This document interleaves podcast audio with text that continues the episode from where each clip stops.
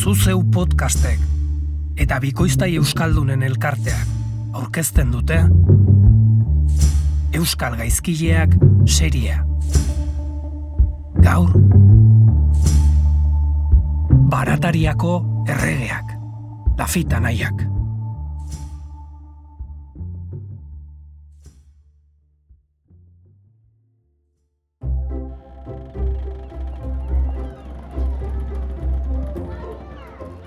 Jan, biarrez, heldu honat.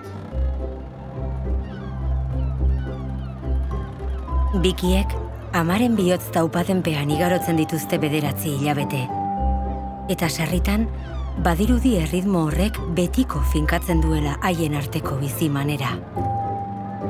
Bihotzeko balbulek beti egin ohi dituzte bihotz jarraian, odola ponpatzen dutenean. Eta bihotsak jarraian entzuten ezpadira, arritmia bat den seinale. Alakoak dira jan eta piarrez lafita naia bikiak. Beti hots bat bestearen atzetik. Bata bestearen itzal. Mila zazpieunda laurogiko urriaren seian, miarritzen mundura sortu ziren ez geroztik, Marida Gerreren sabeletik. Txalapartan, jakunak errena behar duen gixan behar dute elkar. Eta horrela joko du bikote honek bizitza. Elkar urtuz. Elkar hartuz. Igo pasarela, eta behatu ene ontzi berria. Jean eta Piarresen aita da Lorentz Lafit ontzi kapitaina. Miarritzeko kandela etxean sortutako gizon suarra. Piarrez de Lang malapartatuak behin esandakoaren adibiderik onena da Lafit familia. Nahiago dute itxasoratu, lurra kristau zintzuen gisan lantzea baino. Ea, Jan, erradak, zer da hori? Belazurrunak. Mastetatik horizontalean edatzen diren adarrak dira. Beleei eusteko. Ondo, eta zein da soka hauen izena, biarrez? Drisak, belak eta belazurrunak maneiatzeko erabiltzen direnak. Estaiak, Idibegiak, maspreza, kizkiak, mutiloia. txirrikak. Bejonde izuela. Ez diat konprenitzen zertarako nahi duten iraultzaile liberaloiek ume oro eskolatu. Itxasontziak dira eta eskolarik onenak.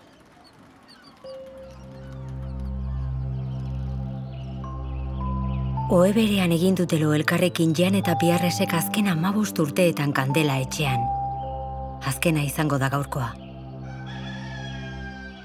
Egunon, piarrez. Egunon, Jan. Zorionak. Hei, zorionak euri ere. Ekarri belarria ona. Ama bostiradiz eman behar dizkiat eta. Beno, zakutoa prestalduk. Iragan astetik. Guazen portura.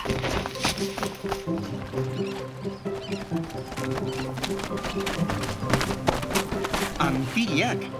Non kristo dago hori. Azparnere ez diat ezagutzen eta. Kortsario itsasontzi batean eman dute izena bianaiek. Eta amabost urte kunplitu dituzten egunean bertan itsasoratuko dira. Beraien manera berezian, baina Jan eta Piarresek ere, kandela itzali dute beren urte betetze egunean.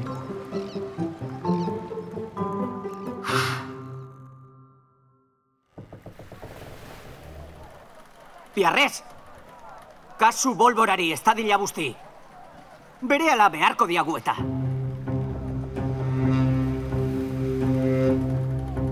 Badira legezkanpo ibiltzen diren lapurrak, eta gero badira legea eskuetan ebasten dutenak. Horixe da piraten eta kortxarioen arteko ezberdintasuna. Kortxarioak estatu baten baimena du etxaien barkuak arpilatzeko. Frantzia izan da praktika honen sustatzaile nagusia Europan. Eta horren ondorioz, Endaia, Donibane Loizune, Ziburu eta Baionako portuak korso lanak egiteko prest dauden gizon gaztez mukuru dabiltza. Zazpi mila kortsario inguru berrogeita bost ontzitan banatuta. Tartean, bikiak doazen hau, Marquez de Lafayette itxasontzia. Kariben egoera politiko nahasia dago. Koloniek independentzia nahi dute. Potentzia kolonialak hori eragozten saiatzen ari dira, eta aldi berean, elkarren etxai diren erresuma Europarrek eraso egiten diote batak besteari. Hor zatorre, kapitaina, ea zer dioen. Entzun ongi, lagunok! Milia erdira daukagu, Virgen de la Magdalena itxasontzi Espainierra, eta bere kargan potosi erdia darama. Ezin dugu itxasontzia kaltetu, beraz, gaur ez da kainoikadarik izanen. Maniobra azkar bat egin, eta haien gana itxatxiko gara zuzenean abordatzeko.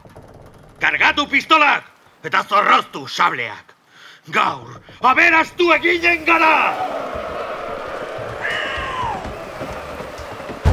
Lapurdiko kortsarioek ontzi txikiak erabiltzen dituzte, azkarragoak direlako, eta baita ere legeak debekatu egiten duelako kortsario lanetan irureun tonatik gorako galerak erabiltzea.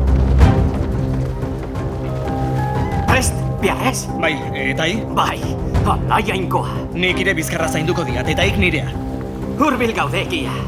Espainoloiei, mustaxeko hileak kontatzen altzizkia hemendik. Gizonak! Prest!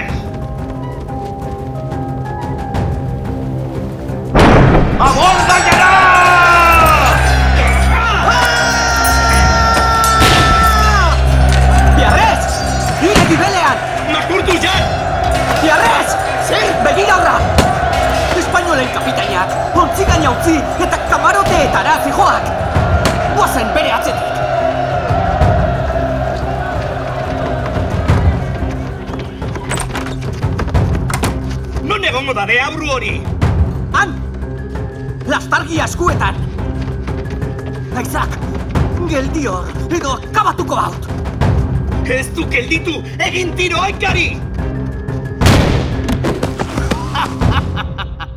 Bizirik harrapatu haugu. Erran, zenbait urre balio duk, urde horrek. Jan, begira. Lafita nahien aurrean agertu berri den ikuskizuna zoragarria eta beldurgarria da. Zoragarria itsasontziko ganberak urrez gainezka daudelako sabairaino, lastargiaren argitan niernier eginez. Eta beldurgarria urre guztiaren erdian barkuko bolbora erreserbak daudelako. Bolbora. Orain badakik nora zijoan hau sua eskutan hartuta ez da? Kortsarioek kontrolatu dute ontzigain osoa, eta itsasontziak bere barrunbetan daramatzan altxorrez jabetua ala, gero eta ozenagoak dira bozkario oiuak. Kortsarioen ontzian doan eskribaua, hasi da jada etxaiari kendutako ondasun guztien zerrenda egin eta kutsei zigiluak jartzen. Harrapakinaren zatirik handiena ontziaren jabearentzat izango da, eta tripulazioak amarretik hiru edo eskuratuko du. Garaituen bisaietan etxipena islatzen da, baina denetan begitarte ilunena kapitain Espainiarrarena da. Izan ere denek dakite zer gertatuko den jarraian. Manes kapitaina errenka dator eta saietxetatik odoletan. Borrokaldian larriki zauritua izan da. Mutilak! Gatibuak lurrean eserita daude. Ontzi gainean, eskuak bizkarratzean lotuta. Hamaika batalla egindakoa naiz. Eta zalantza izpirik gabe baiesta dezaket. Marinel hauek, gogor eta fermuki babestu dutela euren ontzia. Jasozazue gure miresmena. Guadalupe Irlan lehorreratzen garenean, libre utziko zaituzteko. Hori bai, eskertuko genuke, zuekin berriz ez topo egitea, itxasontzi Espainiar batean.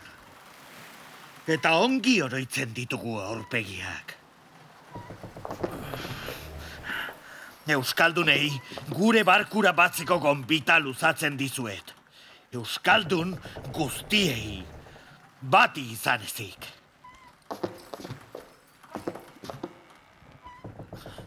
Gaztaineta kapitaina. Nire bi gizonek zeregin oso itxusi batean harrapatu zaituzte. Itxasontzi osoa lehertzera zindoazen. Kainoikadarik ere ez dizuegu bota. Zuen itxasontzi ederrau ez kaltetzeko.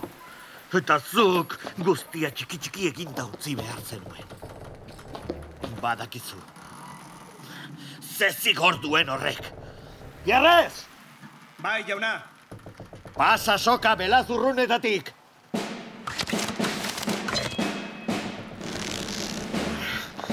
gizon hau, hemen zintzilik izatea. Zuek bizirik egotearen seinale da. Eta dena, Ran eta Pierre esan haiei esker izan da. Haiei zor diezue bizia. Nire ordezko izendatzen dut, Jan. Ez zain denbora askorik geratzen. Mundu honetan.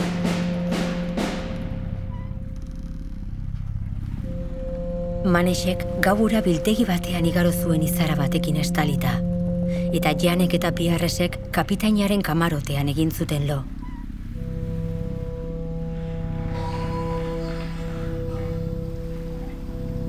Sargori girokori goria dago New Orleanseko portuan. Milaka eltxoren eta olatu infinituen soinu bandaren pean. Baina jakina da, pinpirinek pinpirin izateko asko sufritu behar dutela. Eta horrela dago piarrez lafiz, izerdi patxetan blai, mela-mela eginda. Baina hori bai, inor baino eleganteago, bere larruzko bota, traje granate, zapizuri eta kapela beixarekin. Egurrezko pipa luze batetik erretzen. Botatzen duen kearen artetik, hurbiltzen ari diren txalupa andanari begira. Ongi etorri, Jan. Biarrez maitea. Erradak, zer moduz joan duk? Kartagenako errepublikaren alde egitea autu honena izan duk. Espainiarrak, militarki indartsuagoak dituk gaur gaurkoz. Baina estrategia garailea independentistena duk. Simon Bolivar izeneko ofizial batekin aritu gaituk tratuan. Eta armada horretan, bera bezalako beste dozena erdi bat gizon bazaudek, gerra irabazia zaukatek. Zer da karkor? Kotoia, azukrea, kafea, kakaoa, tabakoa, eunak, eta urrea eta ziarra. Lafitan haiek legezkanpoko negozio asko dauzkate eskuartean. Eta bikiak banandu egin dira guztia taxuz kontrolatzeko. Jan, itxasora ateratzen da ontziak eta portuak arpilatzera. Eta piarrez, New Orleansen geratu da negozio garbiak kudeatzeko. Janek lapurtutako guztia, barataria irlara bideratzen dute. Bertan eraiki baitute miarriztarrek bere imperioaren erdigunea. Biltegiak, etxe bizitzak, armategiak, salerosketa egiteko gunea. Barataria irlatxoa, New Orleansetik irurogeita mabos kilometrora dago. Mississippi ibaiaren bokale zabalean. Eta ontzi handietan bertara garraiatutakoa, ontzi txikietan eta disimuluan eramaten dute irira lafita nahien zerbitzura dauden mila gizonek. Bikiak pertsona errespetagarriak bilakatu dira bertako klase altuko jendearentzat, piarresek egindako lan onarengatik. Eta era berean, herrixumeak maite ditu, janen balentriengatik eta irira ekartzen duen aberastasun guztiarengatik. Makiabelok errantzuen gizan. Gutxik ikusten dute garena, baina guztiek ikusten dute dirudiguna. Ederki. Eta ganadurik bai? Bai, baratarian utzi diat ganadua. Hobeto zeudekor. Hemen etzago giro. Ganadua. Jan Lafitek ez ditu objektuak soilik ekartzen baratariara. Esklabu trafikoa debekatu du Louisianan William Clone gobernadoreak. Eta horrek, baratariako errepublika ezkutua fundatzera bultzatu ditu Lafitetarrak. Errepublika kuriosoa zinez. Bertan esklabuak baitaude, baita erregeak ere. Cervantesen obra nagusia irakurri duenak jakingo du. Barataria izeneko irla batekin ordaindu behartzizkiola onkixotek bere zerbitzuak antxo pantzari. Ai, onkixote zalduna askatzaileak jakingo balu, bere irlan alako maleruskeriek tokia dutela. Lurjabe handiak hoteleko jatetxean bilduta zaude gaur. Haiekin enkantea antolatzera joanen gaituk oraintxe. Gustura, edanen diat whisky botila bat. Eskozia osoko whiskia merezi duk. Edan nahi duana.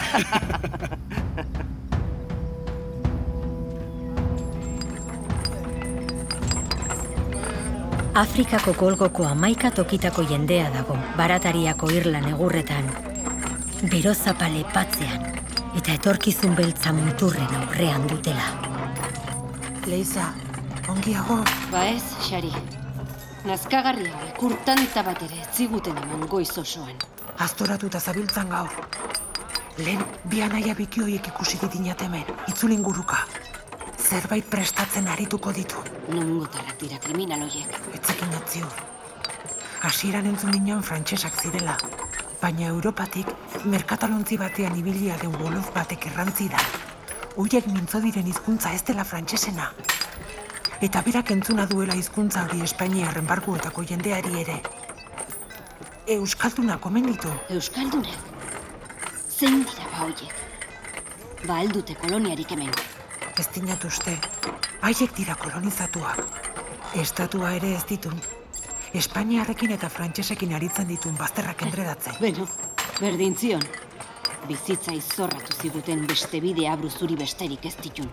Ixo, pasatu zareta. Kuadrilak alanta gainera. Ez du seinale.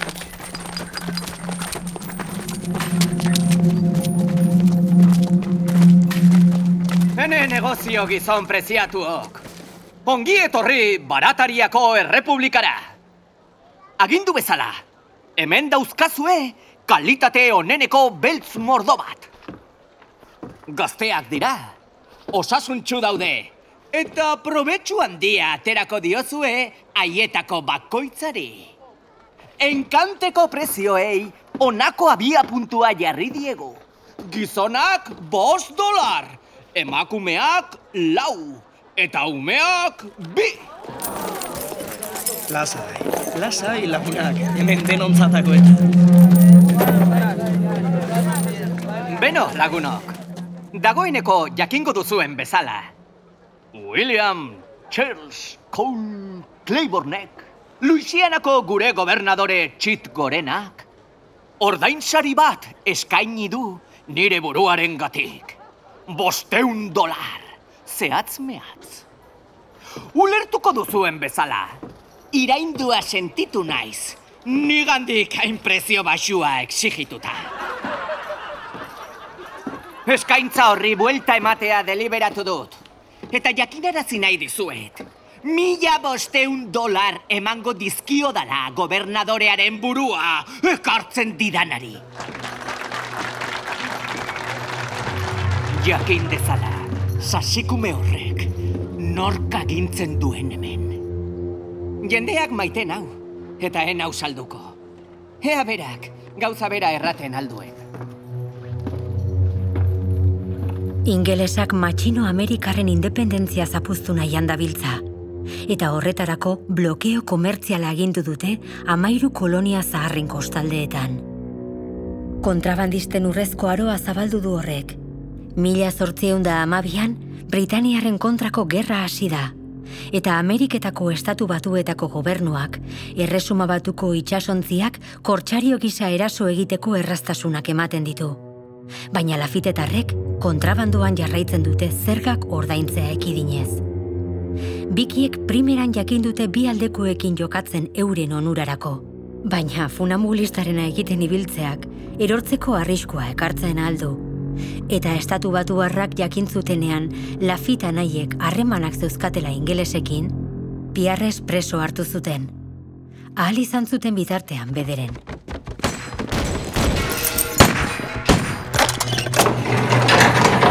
Demonio, kosta zaizuen nire bila etortzea. Estatu batuarrak ez daude gustura lafita nahiekin.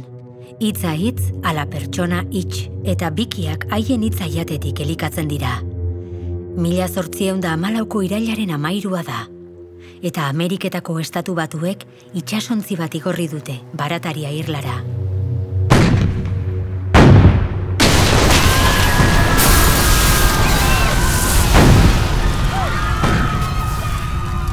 Dena suntxitu dute.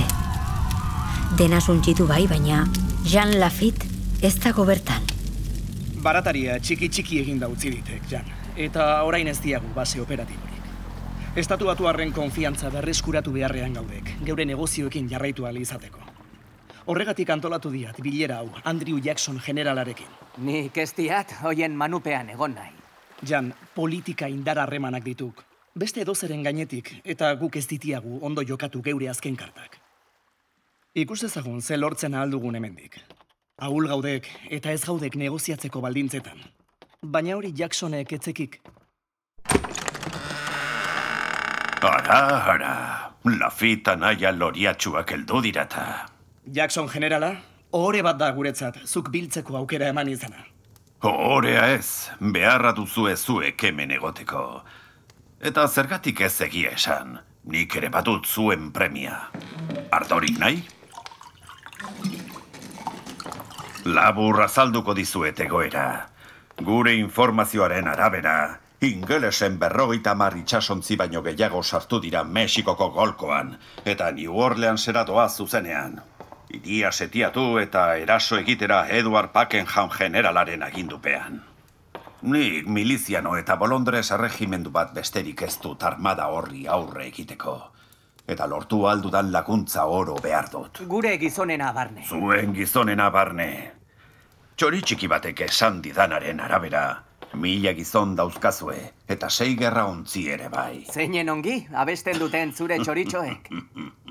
Ulertuko duzun bezala, Jackson jauna, gure zerbitzuek prezio bat daukate. Bota, Amnistia nahi dugu. Guretzat eta gure gizonentzat.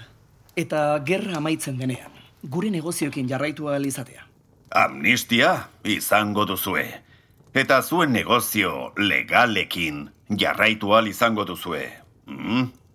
Tratu bat dugu? Bai, jauna. Tratu bat dugu.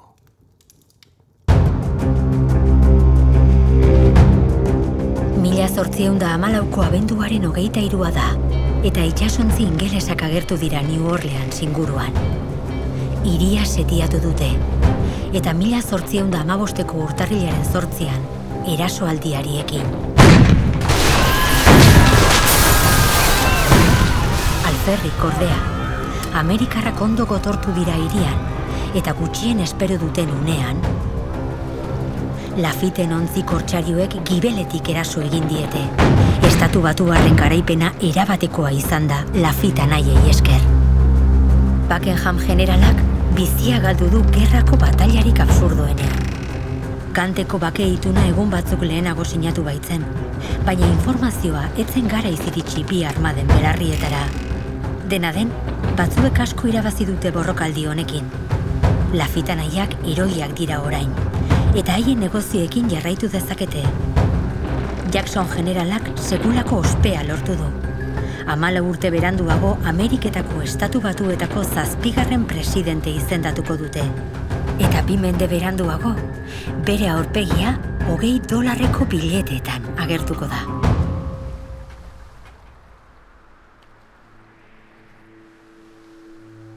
Baratariako eraikin oro lurrarekin berdindua zenez, bikiak Galveston uartean finkatu dira, Texasen, Louisianarekin mugan.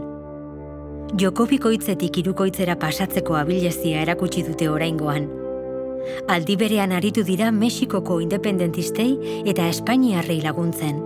Eta estatu batuarrek pentsatzen dute New Orleanseko gertakariak gogoan, lafitetarrak haien alboan izango direla Texas eskuratzeko leian. Majo aberastu dira hiru aldeen kontura. Baina naturak ez daki negoziatzen. Ez ditu indar harreman, kojuntura edo dialektika bezalako kontzeptuak erabiltzen eta...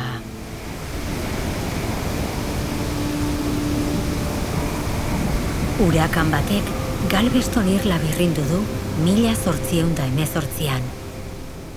Burua altxatzen hasi dira bikiak, baina hiru urte beranduago, mila zortzieun da hogeita batean, lafitetarren ofizial hartaburu batek galbidera eramandu miarriztarren imperioa. Estatu batuen ontzi bat abordatzea okurritu etzaio ba. Alferrikakoak izan dira negoziaketak, mesedeak eta mila jauregitara bidalitako eskutitzak. Goleta Amerikar batek urakanaren lana amaitu du.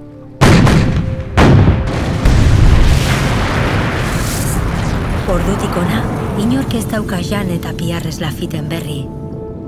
Haien kondaira handitu besterik ez da egin. Kontua da, miarriztarrek erretreta hartzea deliberatu dutela. Eta primerako tokia aukeratu dute inork aurkitu ez ditzan.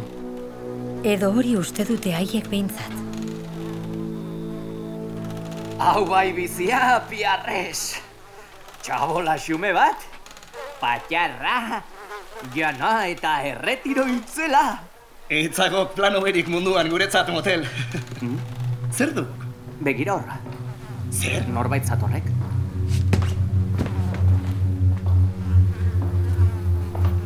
Baina, baina, nora hoai bakarrik? Zer nahi du, nigra? Bi gizon beneragarrirekin berriketa pixka bat egin? Entzun ezan ondo, tximua. Ez baiz berehala azalpenak ematen hasten, ire beltza ozikin horretatik. Eskopeta atera, eta nik jarriko autizketan. Ze eskopeta? Nire lagunak zuei begira daukana? Kaixo?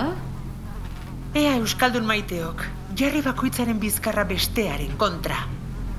Soka honekin lotu behar zaituztet eta. Nor ostia zarete zuek? Ez aldu oroitzen berorrek. Baratariako erregen agindupeko bilopu izan ginen noizbait. Zortzi dolarren trukaitiko latifundista baten menpea maitu zutenak. Zorionez. Aitin esklabu matxinadak independentziara eraman gintuen. Eta ordutik ona, batzuk turismoa egiten gabiltza. Tartean leiza eta ni neu. Xari, esklabisten etxeak bisitatzea gustatzen zaigu bereziki. Eta benetan zaila suertatu zaigu etxe autopatzea. Horregatik haude hainpozik. Baina normala iruditzen zaigu zuek penatuta egotea gure bisitaren gatik. Bai, ni ere ala nengoke.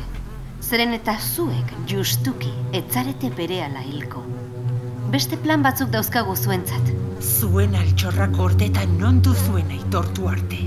Gorriak eta pi ikusiko dituzue. Hiltzen ikusi dudan esklabu bakoitzaren gatik. Zin egiten dizuet. Eta orain, ea, Poliki-poliki sartu etxe barrura. Hori da, salto txoka.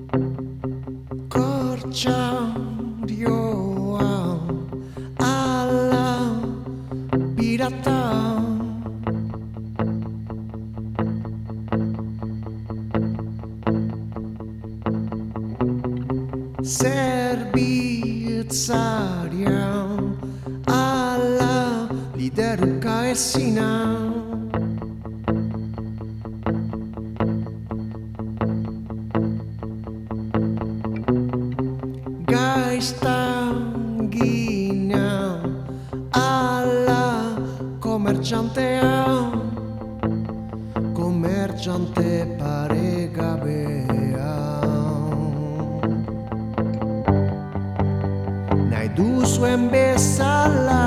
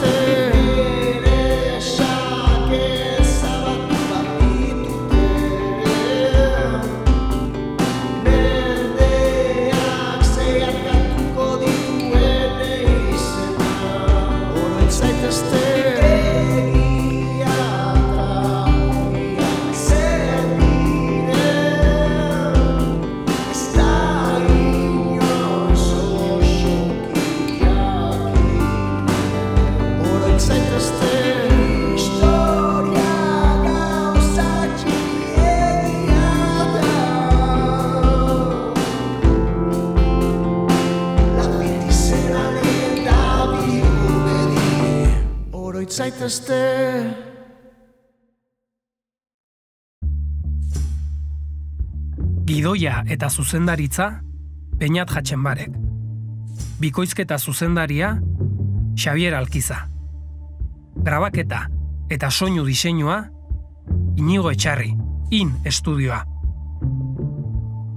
Abestia, Jurgi Ekiza.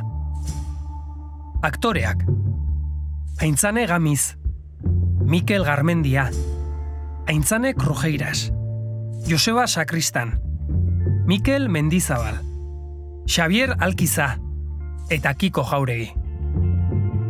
Jarraitu gaitzazu Twitterrean abildua gaizkileak eta abildua zuzeu podcast kontuetan, edo zure audio plataforma kutxunean. Zuzeu podcast proiektua luzera begirako apustu bezala sortu genuen 2019 hasieran. Proiektuak entzuleak ditu oinarrian, eta entzuleek babesten dute proiektua bera. Horregatik sortu dugu Patreon orrialdea. Audiogintza zuri esker egiten dugulako. Patreon orrialdean hiru arpidetza mota topatuko dituzu. Aukeratu egokiena iruditzen zaizuna, zuzeu podcast komunitatera batu eta proiektua babesteko. Sartu patreon.com barra zuzeupot elbidera eta arpidetu gure edukietara.